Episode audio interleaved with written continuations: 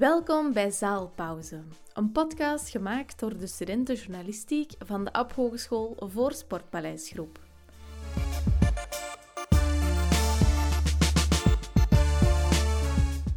Herinner je nog maart 2020? Het coronavirus legde de evenementensector plat. Van de ene op de andere dag werd de stekker eruit getrokken. De stilte in de zaal was meer dan een jaar luider dan ooit. De deuren sloten niet enkel voor jou, maar ook voor alle artiesten en medewerkers. Samen met hen wandelen we door hun verhaal om de zalen voor een stukje terug te doen heropleven.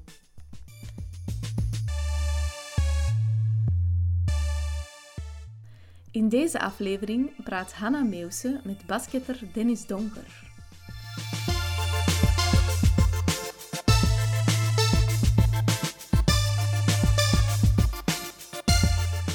Er is niemand die al ooit zoveel wedstrijden heeft gespeeld voor de Telenet Giants Antwerp als Dennis Donker.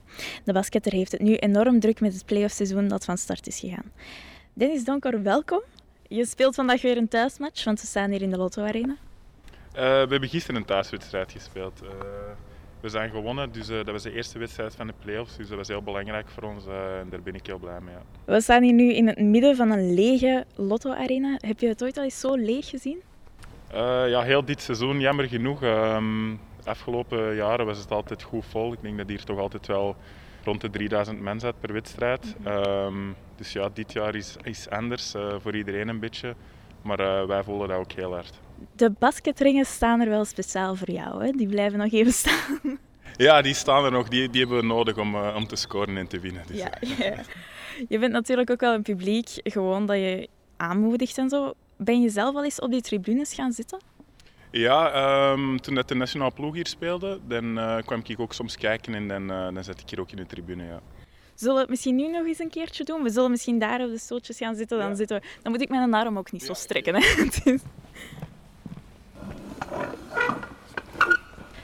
Hier zitten we dan, op de plek waar normaal duizenden mensen je zitten aan te moedigen. Er mag nu tijdens jullie matchen geen publiek meer in de zaal zitten door corona. Mis je dat?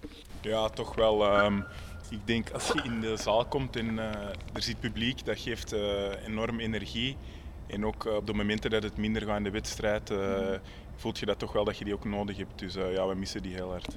En ook je familie en zo, die misschien in de tribune zit? Ja, natuurlijk. Dat geeft ook extra steun om te weten dat er iemand is die dat voor u supportert. Maar dat moet nu van thuis, dus dat is niet hetzelfde. En heeft dat dan echt een invloed op je spel, denk je? Uh, ik denk dat dat positief of negatief is. Bij sommige spelers denk ik dat dat publiek misschien extra druk geeft. Maar ik merk ook dat andere spelers die dat wel nodig hebben, zo die extra push van het publiek. Om, uh, ja. ja. En hoe zit dat dan bij jou? Ja, ik speel liever met publiek. Ja, ja, ja toch wel. Ja. Hoe heb jij de lockdown tot nu toe ervaren?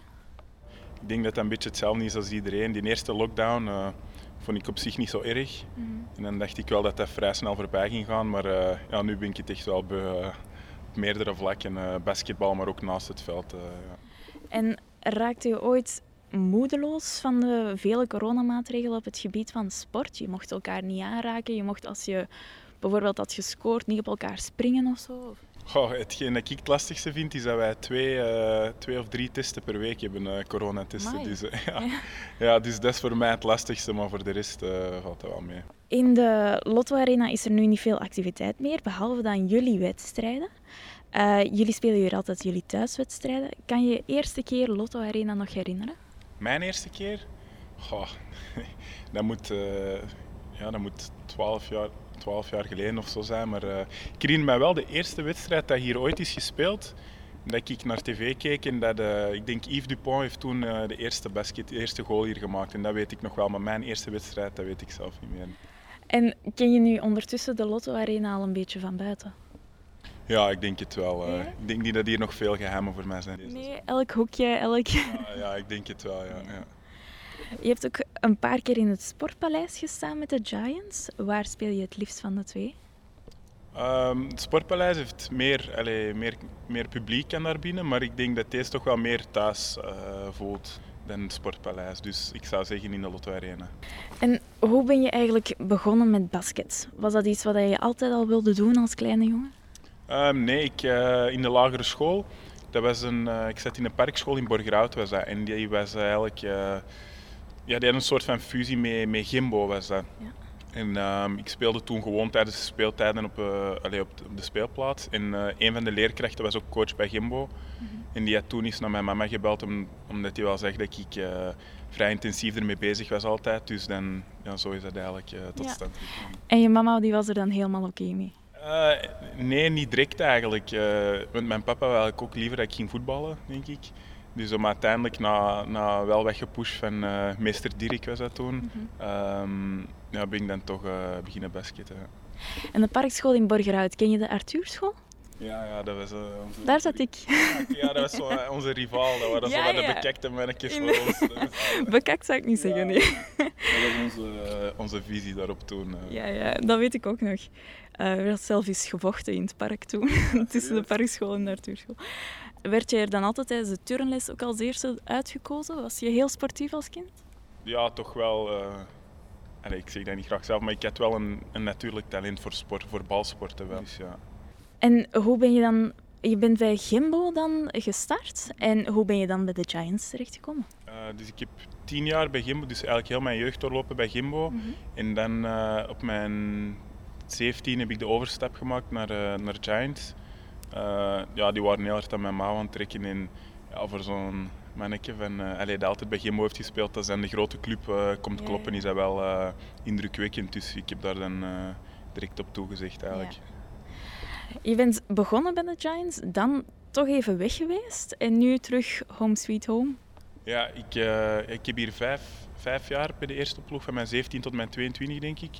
En dan ben ik eh, twee jaar naar Limburg gegaan en dan één jaar kangaroos. En dan ben ik nu mijn vierde jaar hier terug bezig. Dus, Ja. ja. ja. Blij om terug te zijn. Ja, ja, zeker, zeker. Ja. Ehm, je bent een meter 94. Vrij klein voor een basketter te zijn. Ehm, ja, dat is zeker niet aan de grote kant in mijn Mhm. ploeg. Ik denk dat ik zo eh, net onder het gemiddelde zit of zo. Ehm. Dus ja, Allee, ik ben wel tevreden met mijn hoor. En eh, je schoenmaat? Eh, Oh, je moet eens even ja, checken. ik denk, soms verschilt dat. Ik denk dat dat 47 is, denk ik. Ja. 47, ja. En grote voeten betekent dus eigenlijk ook... grote handen, natuurlijk. Ja, ja, ja. Eh, je bent de op één na kleinste van het team. Niels van den Einde is een meter 80. Nee, nee, dat klopt niet. Nee? Nee. Sterling is ook kleiner dan mij. Ah, Sterling. Brown. eh ah, wat zeg ik nu? Sterling Gibbs. Ah. Goh, ik denk dat ik even gro- groot ben als eh, Stefan Bra- Branch. ja, ja, ja. Oké. ja, ik denk dat dat niet helemaal klopt. Nee? Oké. Je hebt wel de meeste wedstrijden. Is er nog iets waar dat je zo in uitblinkt? Ehm, ik, zou, ik zou het leuk vinden om, eh, om het driepunt eh, record te breken van, eh, van de Giants. En ben je daar bijna? Goh, ik heb dat een, een tijdje geleden heb, heb ik eens gezien wie dat daar eerste stond. Maar eh, ja, ik denk dat ik daar misschien wel ergens in de buurt Ja. zit. Ja. Maar je houdt het niet echt bij. Nee, ik heb, ik heb die statistieken niet. nee. Je bent shooting guard. Je zorgt dus eigenlijk voor de punten, als ik het goed begrijp. Goh, ja, dat zou moeten. Ja. Eh, Dit jaar is allee, voor mij persoonlijk niet zo goed op dat gebied. Maar eh, de positie van shooting guard is wel... eh, ja, die, die moeten van afstand goed kunnen gooien eigenlijk. Ja. Goed kunnen gooien, ja. En heb je hard voor moeten werken voor die plek te bemachtigen? Je bent echt started from the bottom van de... Van de... Ja, hoe noemt dat? De, de bank? de bench? Ehm, je bedoelt om tot hier te geraken? Mhm. Eh, ja, om eerlijk te zijn, wist ik dat al van jongs af aan dat ik, dat ik, allee, dat ik prof ging zijn. Dus ik, ik heb dat eigenlijk nooit anders... In mijn hoofd was ik, allee, was ik gewoon op weg naar daar. Dus ik heb Ja. dat nooit echt zo gezien van ik kom van niks. Omdat, Alleen mijn mindset was al van ja, ik, ik ben daar of, of ik ben op weg. Dus ja. En was het ook echt je grote droom als kind? Ja. Ja. zeker. Ik herinner mij nog toen ik denk negen was of zo, dat ik altijd zei van ja, wacht maar, op mijn 16 ga ik in, eh, bij, de, bij de... Toen was dat nog RBA. Dus toen zei ik al van op mijn 16 ga ik bij RBA spelen. eh, Ja. En iedereen was me aan het lachen toen, dat weet ik nog. Je hebt dus al wel wat afgezweet in deze arena. Jullie trainingen die gaan hier niet hè? Eh, nee, enkel dag voor de wedstrijd trainen wij hier, maar eh, eh, anders trainen wij hier over de, over de brug in uh, Gasthuishoven. Ik vraag me dan wel af, hoe ziet zo'n training er juist uit? Is dat, duurt dat echt een hele dag? Ehm, nee, nu trainen wij iets minder door de play-offs, maar ehm, ik zal maar zeggen, een gewone week uh, in uh, januari of zo, trainen wij meestal van uh, half tien tot, tot twaalf ongeveer in de ochtend. Dat is dan fitness in, in basket. En dan in de namiddag van drie tot vijf. Nee, drukke dagen. Het is niet een hele dag, maar wel ja. genoeg. Ja. Ja, ja, ja. En hoe is zo'n training dan? Wordt dan nu tijdens corona ook de bal de hele tijd ontsmet? En moeten jullie je handen vaak ontsmetten? Of? Nee, wij worden eigenlijk gewoon twee tot drie keer per week getest en dat zou vol, allez, moeten volstaan. Uh, want ik denk als je moet beginnen met die bal te ontsmetten en zo, dat je niet meer veel bezig bent met spel. Dus, uh, En is het dan ook al die trainingen volledig in het Engels? Want jullie coach Christophe uh, Beguin, die is Franstalig en er zitten ook veel Amerikaanse spelers in je team. Ja, dat is eigenlijk volledig in het Engels. Allee, af en toe tegen, tegen de Nederlandstaligen spelen. Ik ken ook Nederlands, zegt hij wel eens iets in het Nederlands, maar meestal is dat gewoon in het Engels. En lukt dat in het Engels? Ja, zijn Engels is goed. Ja. Kom je goed overeen met je team? Rijden jullie ook samen? Als je bijvoorbeeld een wedstrijd niet hier hebt, rijden jullie dan samen er naartoe? Um, ik kom goed overeen met mijn ploegmaten, maar wij, wij pakken de bus meestal als het op ah, verplaatsing is. Dus wij moeten niet echt samenrijden. Uh, dit jaar voel ik nu wel dat, dat, dat het iets moeilijker is om zo'n band te schippen, omdat je buiten basket eigenlijk niet echt samen iets kunt doen. Mm Je merkt dat wel in de andere jaren, dat we dan meer doen als ploeg en dat, dat, dan wel, dat er wel, daar wel een verschil op zit. Maar uh, het is niet dat ik problemen heb of zo met iemand in de ploeg. En op de bus is het dan wel gezellig? Ja, gezellig. Iedereen heeft eigenlijk gewoon zijn hoofdtelefoon op. Ja? En, uh, ja, na de wedstrijd is het meestal gezelliger dan voor de wedstrijd. Voor de wedstrijd probeert iedereen zich wat te focussen uh, op zijn eigen. Ja. Dat snap ik wel. De concentratie moet ook wel behouden blijven. Je zei er juist dat je de Lotto Arena al van buiten kende. Heb je dan ook een favoriete plek? Uh, ja, de kleedkamer. Uh, dan toch de kleedkamers? Zullen we daar dan ineens naartoe ja. gaan?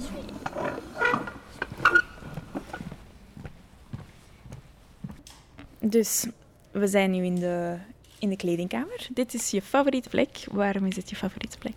Oh, uh, ik denk dat hier heel veel wordt gelachen en heel veel grappige verhalen wordt verteld. En, ja, er is gewoon altijd plezier. Plezier voor en na de wedstrijd. En, ja, zelfs soms als ik thuis ben en denk ik van ah, ik ben blij om naar een basket te gaan om dan gewoon in de kleedkamer te zitten en wat, uh, wat een ozel te doen of, uh, wat grapjes te maken. dus ja. En je zei ook toen we binnenkwamen, je ging direct op je stoel zitten. Waarom is dit je vaste stoel? Deze stoel heeft eigenlijk voor- en nadelen. Het voordeel is dat ik maar één iemand naast mij heb, dus ik, heb, ik, ik hou graag van een beetje ruimte. Dus langs deze kant heb ik eigenlijk dan wij ruimte voor mijn eigen. Maar als mensen binnenkomen, laten die de deur altijd open. Dus ik ben eigenlijk ook een soort van uh, portier. Ja, Dus ik word daar een beetje gek van. Dus de eerste dag van de trein probeer ik tegen iedereen te zeggen van doe de deur toe alsjeblieft als je binnenkomt. Maar uh, ja, er zijn er toch nog wel enkele die dat vergeten en dan moet ik altijd recht staan om de deur toe, toe te doen. Ja. Dus uh, ja, deze plek heeft voor- en nadelen voor mij. Heb je hier nog wel leuke dingen meegemaakt in de kleedkamers dat je denkt van dat was nu echt zo'n tof moment? Uh, ja, um, ik denk toen dat wij de Final Four hadden gehaald, dat is een paar jaar geleden, uh, voor de Champions League, dan um, waren we allemaal op de coach hier aan het wachten en we hadden allemaal waterflessen en uh, ja, van alle spullen vast. En toen de coach binnenkwam, hebben wij gewoon eigenlijk heel de kleedkamer vol met water gegooid. En, en er is trouwens ook een video van. Mm -hmm. En ik denk dat dat wel iets is dat mij zeker altijd gaat bijblijven. En hier hangt ook een tv, was dat dan niet gevaarlijk. Oh, ik weet zelfs niet of dat hij daar toen al hing, maar ah, okay. uh, die staat bijna nooit aan. Dus, okay. Heb je eigenlijk zo, voordat een wedstrijd begint, een vast ritueel in de kleedkamer of ergens in de, in de Lotto Arena nu? Of uh, superstitions of zo die dat je hebt oh, voor een match? Ja, ik heb er wel bij, maar die veranderen soms. Hm. Dus uh, bijvoorbeeld als ik mijn voeten laat tapen bij de kine, dan moet het altijd eerst mijn rechtse voet zijn en dan mijn linkse. Um, ik probeer altijd om hetzelfde uur in de zaal te gaan. Dus als de wedstrijd om, uh, om 8 uur is, dan probeer ik om half zeven op, op het veld te staan. Um, voor de rest uh, kan ik niet direct aan iets denken, maar er zijn er wel zo'n paar van die ja. kleine dingetjes. Maar ze veranderen dus de hele tijd? Ja, want, want vroeger ging ik eerst met mijn linkse voet op tafel ah, voor ja, de tape. Ja. En dan toch eens een slechte match of zo gespeeld en dan soms, verandert? Ja, soms verandert dat met zo'n dingen, ja, ah, inderdaad. Ja. Uh, je bent ook de Giant met de meest gespeelde wedstrijden. Hoeveel zijn dat er nu ongeveer? Ik zou zeggen misschien 315 of zo. Ja. Allee, ik hou het niet zelf bij, Allee, ik weet het niet van buiten, maar ik denk dat het ongeveer zoiets zal zijn. Ja, ja, ja. en dat is ook meer dan je uh, voormalige coach. Ehm, word je dan al, door je teamleden niet als een soort god gezien? Ik denk dat die meer spotten gewoon mee, omdat ik de oudste ben of zo. En die vinden dat echt leuk om mij, uh, om mij daarop te, te pakken of zo, zou ik maar mhm. zeggen. Maar ik merk dat wel dat er een soort van uh, respect is of zo, maar het is niet dat die constant uh, erover bezig ja, zijn. erover bezig zijn. Ja. En heb je een feestje gehouden toen je de 300 haalde of had je het niet eens hoor? Um, toen hebben de mensen van het uh, bureau bij ons, bij Giants, hebben toen een taart voor mij uh, ah, ja? ja? met 300 daarop uh, ah, ja. laten, allez, besteld. En dan hebben we allemaal samen een stukje gegeten, dus dat was wel leuk. Heb je een favoriete wedstrijd of eentje waarvan je denkt, die vergeet ik nu eens nooit meer? hier bij, toen ik bij Giants speelde of, of bij een ander? In het algemeen, je mag over heel je carrière mag je, je favoriete match ooit. Mijn favoriete wedstrijd is denk ik het jaar dat ik bij Kangaroos zat, dat we hier op Giants zijn komen spelen. Mm. En uh, toen had ik allee, persoonlijk een heel goede wedstrijd. En toen zijn wij ook gewonnen uh, van Giants. En ja, wij waren zo wat de underdog. Hè, want het is Willebroek, het kleine broertje dan van de Giants. En dan om hier te komen winnen, dat was wel uh, echt leuk. En bij de, bij de Giants zijn er wel een paar, denk ik, de twee bekerfinales. de hele Champions League campagne van een paar jaar geleden, dat was ook super om mee te maken. Dus ja, er zijn er wel bij, ja. En heb je een favoriete speler? Dat mag van je team zijn, dat mag van, uh, ja, ook van buitenland of zijn, of iemand naar wie dat je echt opkijkt? Ja, ik kijk heel graag naar Stephen Curry, ja? die zou je misschien wel kennen. Um, Devin Booker, dat is ook een NBA-speler. En uh, als ik iemand zou moeten zeggen in, uh, in België, dan dat is misschien niet per se mijn favoriete speler, maar dat is wel een speler waar ik graag mee zou samenspelen. Dat zou dan uh, Djordjevic van Oostende zijn. Ja. En waarom? Goh, omdat, ja, ik vind hem een heel slimme speler en die, hoe dat hij uh, het veld leest en de open man vindt, uh, ik denk dat dat voor mij, alleen met mijn kwaliteiten goed zou samengaan. Uh. Maar je zou er liever mee samenspelen dan er tegen? Goh, ja, die, ja, die heeft ons al heel, de afgelopen jaren wel wat pijn gedaan, dus ja, misschien liever mee dan, ja. Um, wat hoop jij nog te bereiken in je toekomstige carrière? Oh, ik zou graag een titel winnen. Uh, ja, ik ben nu 29, dat is op zich ja, dat is oud en dat is niet oud. Mm -hmm. um, maar ja, dat is nog wel iets dat ontbreekt uh, ja. in mijn carrière, dus dat zou ik graag nog willen winnen. Ja, want je bent nu 29, bijna 30, mm -hmm. binnen twee maanden. Um, denk je dat je binnen 10 jaar nog altijd in de basketbalwereld te vinden gaat zijn? Om heel eerlijk te zijn, ik zie mezelf niet direct als een coach, omdat ik niet weet of dat ik ja, ik weet niet, geduld daarvoor heb of zo. Of, uh, of wil omgaan met al die verschillende persoonlijkheden. Ik denk dat dat echt niet makkelijk is. Uh, en ik denk ook als ik stop als prof, dat ik dan wel even een tijd ga nemen om weg te zijn van basket. Om in een heel andere wereld iets te doen of, of gewoon wat vrij te nemen. Dus uh, ik kan daar niet op antwoorden binnen tien jaar, dat kan ik niet zeggen. Zou je wel kunnen zeggen in wat voor wereld je dan eerder zou willen bevinden? Ik ben ook een beetje bezig met, met vastgoed, dus dat vind ik wel interessant. Um, maar voor de rest heb ik nog niet echt uh, grootste plannen of zo. Je bent ook niet enkel basketter, je, hebt, je bent ook in de lockdown papa geworden van je tweede kindje in uh, april van vorig jaar. Een echte lockdown baby dus. Ja. Hoe was dat voor in de lockdown een nieuwe baby te krijgen? Ja, anders. Hmm. Um, ja, er konden geen mensen langskomen. Uh, dus dat was wel jammer. En ook de bevalling op zich was ook uh, heel anders. Uh, uh, Aline moest toen bevallen met een mondmasker op. Wat ik denk dat misschien een van de verschrikkelijkste dingen is. Um, ja, gewoon mijn moeder, haar moeder, die dat de baby niet konden zien, alleen het raam. Dus dat is wel, ja, dat is wel een speciaal gegeven. Um, langs de andere kant in het ziekenhuis was het wel leuk om wat rust te hebben. Normaal gezien komt iedereen dan direct langs, dus wij hadden wel wat tijd echt om tot rust te komen. Dus dat, dat vond ik er wel goed aan. En... Ben je van plan om je kinderen later ook te leren basketten? Ik heb toevallig vorige week uh, is mijn zoontje mee naar de basket, mijn oudste, naar de basket gekomen. En uh, ja, ik, ik, merk toch wel dat hij iets mee heeft gedaan. Uh, ja? Die is nu vijf jaar. Dus sinds die een dag zit hij elke dag te dribbelen en is hij er toch wel echt mee bezig. Um, maar ik zou die nooit in die richting echt duwen of zo. Omdat, ja, je moet daar een speciale persoonlijkheid voor, uh, karakter voor hebben, denk ik, om prof te zijn. En, en ik denk als hij niet, mijn oudste zoon is vrij gevoelig, ik denk dat dat wel moeilijk zou zijn voor hem. Allee, ik kan dat nu nog niet zeggen, hij is nog heel jong, maar ja, je hebt daar wel een bepaalde hardheid voor nodig of zo. En, uh, Ik weet niet of dat, dat bij hem zou passen, maar dat valt nog te zien. En zijn je kinderen, nu je zoontje is maar vijf jaar, maar merk je al dat ze zo lang zijn als jou? Uh, nee, mijn jongste is eigenlijk uh, voor zijn leeftijd vrij groot. Hij is één nu. Mhm. Maar uh, Colin, de oudste, is eigenlijk vrij gemiddeld, denk ik. Ja, dus die heeft wel een scheut gehad deze zomer, maar ik denk niet dat hij echt aan de grote kant is. Nee. Is het eigenlijk moeilijk om een topsportcarrière te combineren met je privéleven? Ja, je moet wel uh, bepaalde dingen laten en zo. Bijvoorbeeld in het weekend